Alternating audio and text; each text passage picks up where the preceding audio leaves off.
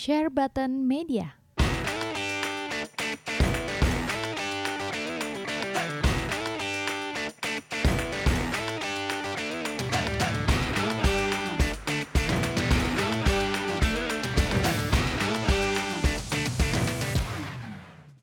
What up guys, welcome back again to our channel di channel Berak Game. Kalau kalian dengar Spotify-nya ada di channel Share Button Podcast. Terima kasih bagi yang sudah mendengarkan Kali ini di segmen Dunia Dalam Gaming kali ini. Gue sendirian.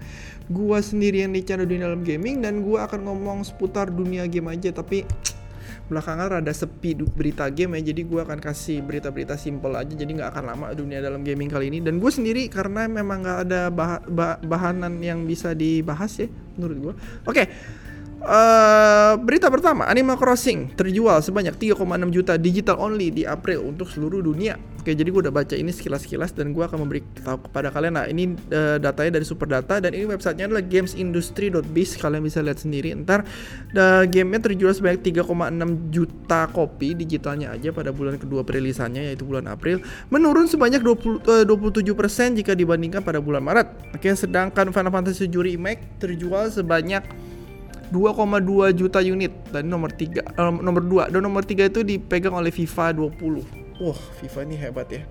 FIFA ini nomor 3 untuk bulan April doang padahal dia rilisnya udah lama sedangkan Final Fantasy VII Remake baru rilis bulan April masuk nomor 2 dan uh, untuk Animal Crossing rilis date-nya itu Maret tapi bulan April masih terjual sangat kencang ya nomor Resident Evil 3 masuk ke peringkat 10 terjual sebanyak 1,3 juta unit karena uh, pada bulan perilisannya. Lalu ada Call of Duty Modern Warfare 2 terjual sebanyak 622 ribu pada hari pertama tapi pada bulan April ini masuk 3,4 uh bulan April hebat juga loh dia. Dia naiknya tuh perlahan-lahan tapi slow tapi konsisten. Itulah enaknya uh, Call of Duty franchise ya. Call of Duty franchise selalu pelan-pelan naiknya tetapi stabil. Eh, makanya kita bisa lihat di sini di sini ada dua kok COD tuh ya kan? COD ini untuk seluruh dunia ya di sini ada tulisannya nih worldwide worldwide rank by April 2020 Eh, untuk PC nomor satu dipegang oleh League of Legends, nomor konsol nomor satu dipegang Animal Crossing, untuk mobile Peacekeeper Elite.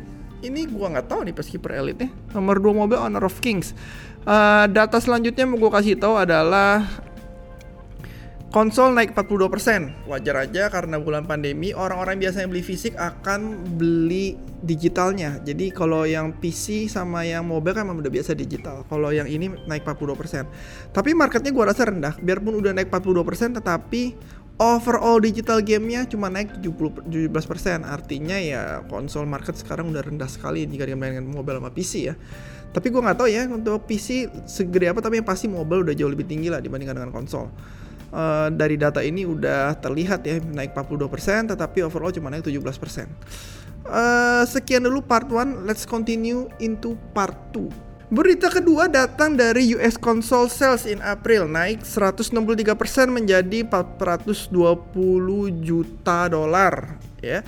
Eh jadi naik 163% jika dibandingkan dengan April 2000 8 2019 sorry gue sempat lupa antara 2020 2019 dan ini uh, the highest April hardware spend since 2008 jadi 2008 tuh rekornya 427 juta sedangkan bulan 2020 itu 420 juta. Uh, dan semua jadi konsol spending konsolnya itu overall konsol nggak cuma hardware doang ya itu sebanyak 1,2 miliar dolar. Dan ini data dari games industry juga. Uh, Oh ini hardware doang, kalau ini overall termasuk software dan segala macam. Dan penyebab utamanya adalah Nintendo Switch, no doubt. About bu, bu, apa nih baca buet buet uh, by the success of Animal Crossing New Horizons, oke, okay? plus the COVID 19. Uh, jadi di rumah suka, perlu entertainment katanya dan Nintendo console ini top both the unit sales jadi dia menang di unit penjualan dan dolar dan uh, maksudnya di do penjualan dolar dan penjualan unit di Nintendo Switch menang dan ini paling gede ya Uh, rekor sebelumnya dipegang sama Wii pada April 2019 dan ini dipecahkan lagi oleh Nintendo Switch. Jadi penjualan Nintendo Switch itu mantap sekali ya. Dan di sini ada penjualan PlayStation 4 dan Xbox One naik 160% jika dibandingkan dengan bulan April 2019. Jadi bener-bener bulan April ini bulan pandemi ini kayaknya bener-bener bikin orang pengen di rumah jadi pengen ada entertainment akhirnya beli banyak beli barang ya. Termasuk gue banyak beli barang semenjak uh, online terus nih. Salah salah salah salah. Oke, okay, year year to date total spend jadi empat setengah miliar dolar year to date total spend. Ya, jadi selama setahun bulan April 2019 bulan 2020 naik 12% jika dibandingkan dengan tahun sebelumnya. Terus ini ada bla bla bla bla bla bla. Oh ya, di sini ada Final Fantasy 7 Remake. Final Fantasy 7 Remake ini was biggest selling game of the month, third biggest selling game of the year so far. Terus new set new records for franchise.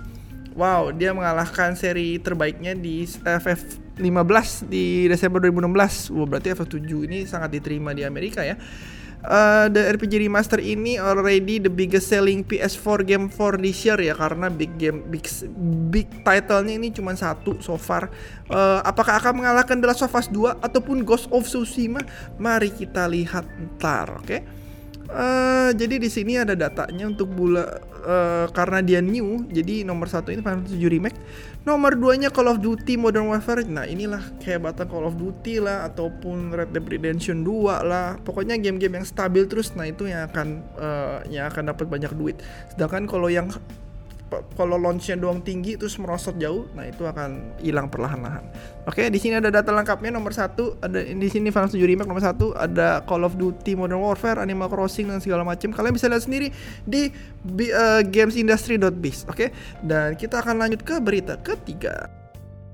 Oke, untuk berita ketiga ini uh, bahasa Indonesia-nya Final Fantasy 7 Remake memiliki penjualan tertinggi pada bulan April di US. Jadi ini juga ada source-nya juga di Twitter dan source-nya juga selalu kita ambil dari Silicon enggak kita selalu sih maksudnya kita selalu sediakan source-nya jadi kita nggak nggak ngarang gitu ya uh, dan ini ada twitternya dari Matt Piscatella dan dia biasa ngasih info soal NPD dan kalian bisa lihat sendiri oke okay?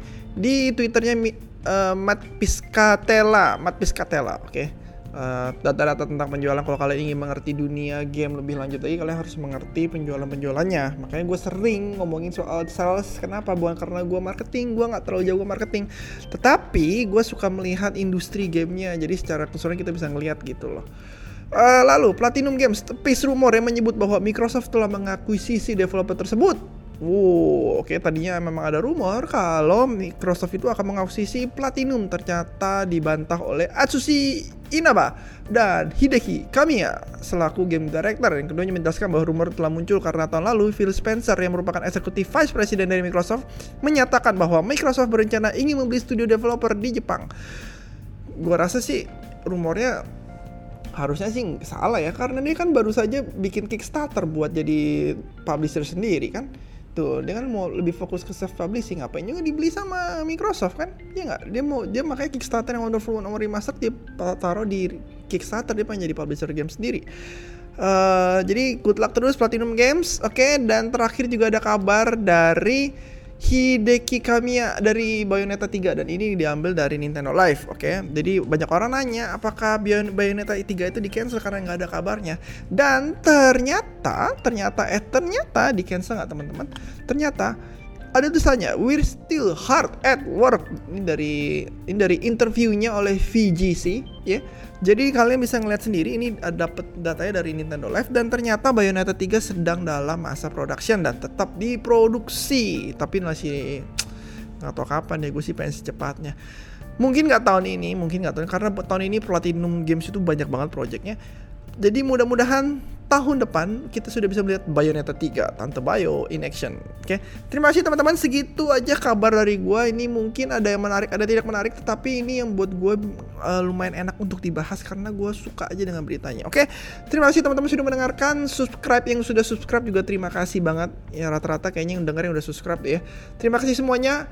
I will see you guys next time pada segmen berikutnya. Oke. Okay? Ciao. Bye bye.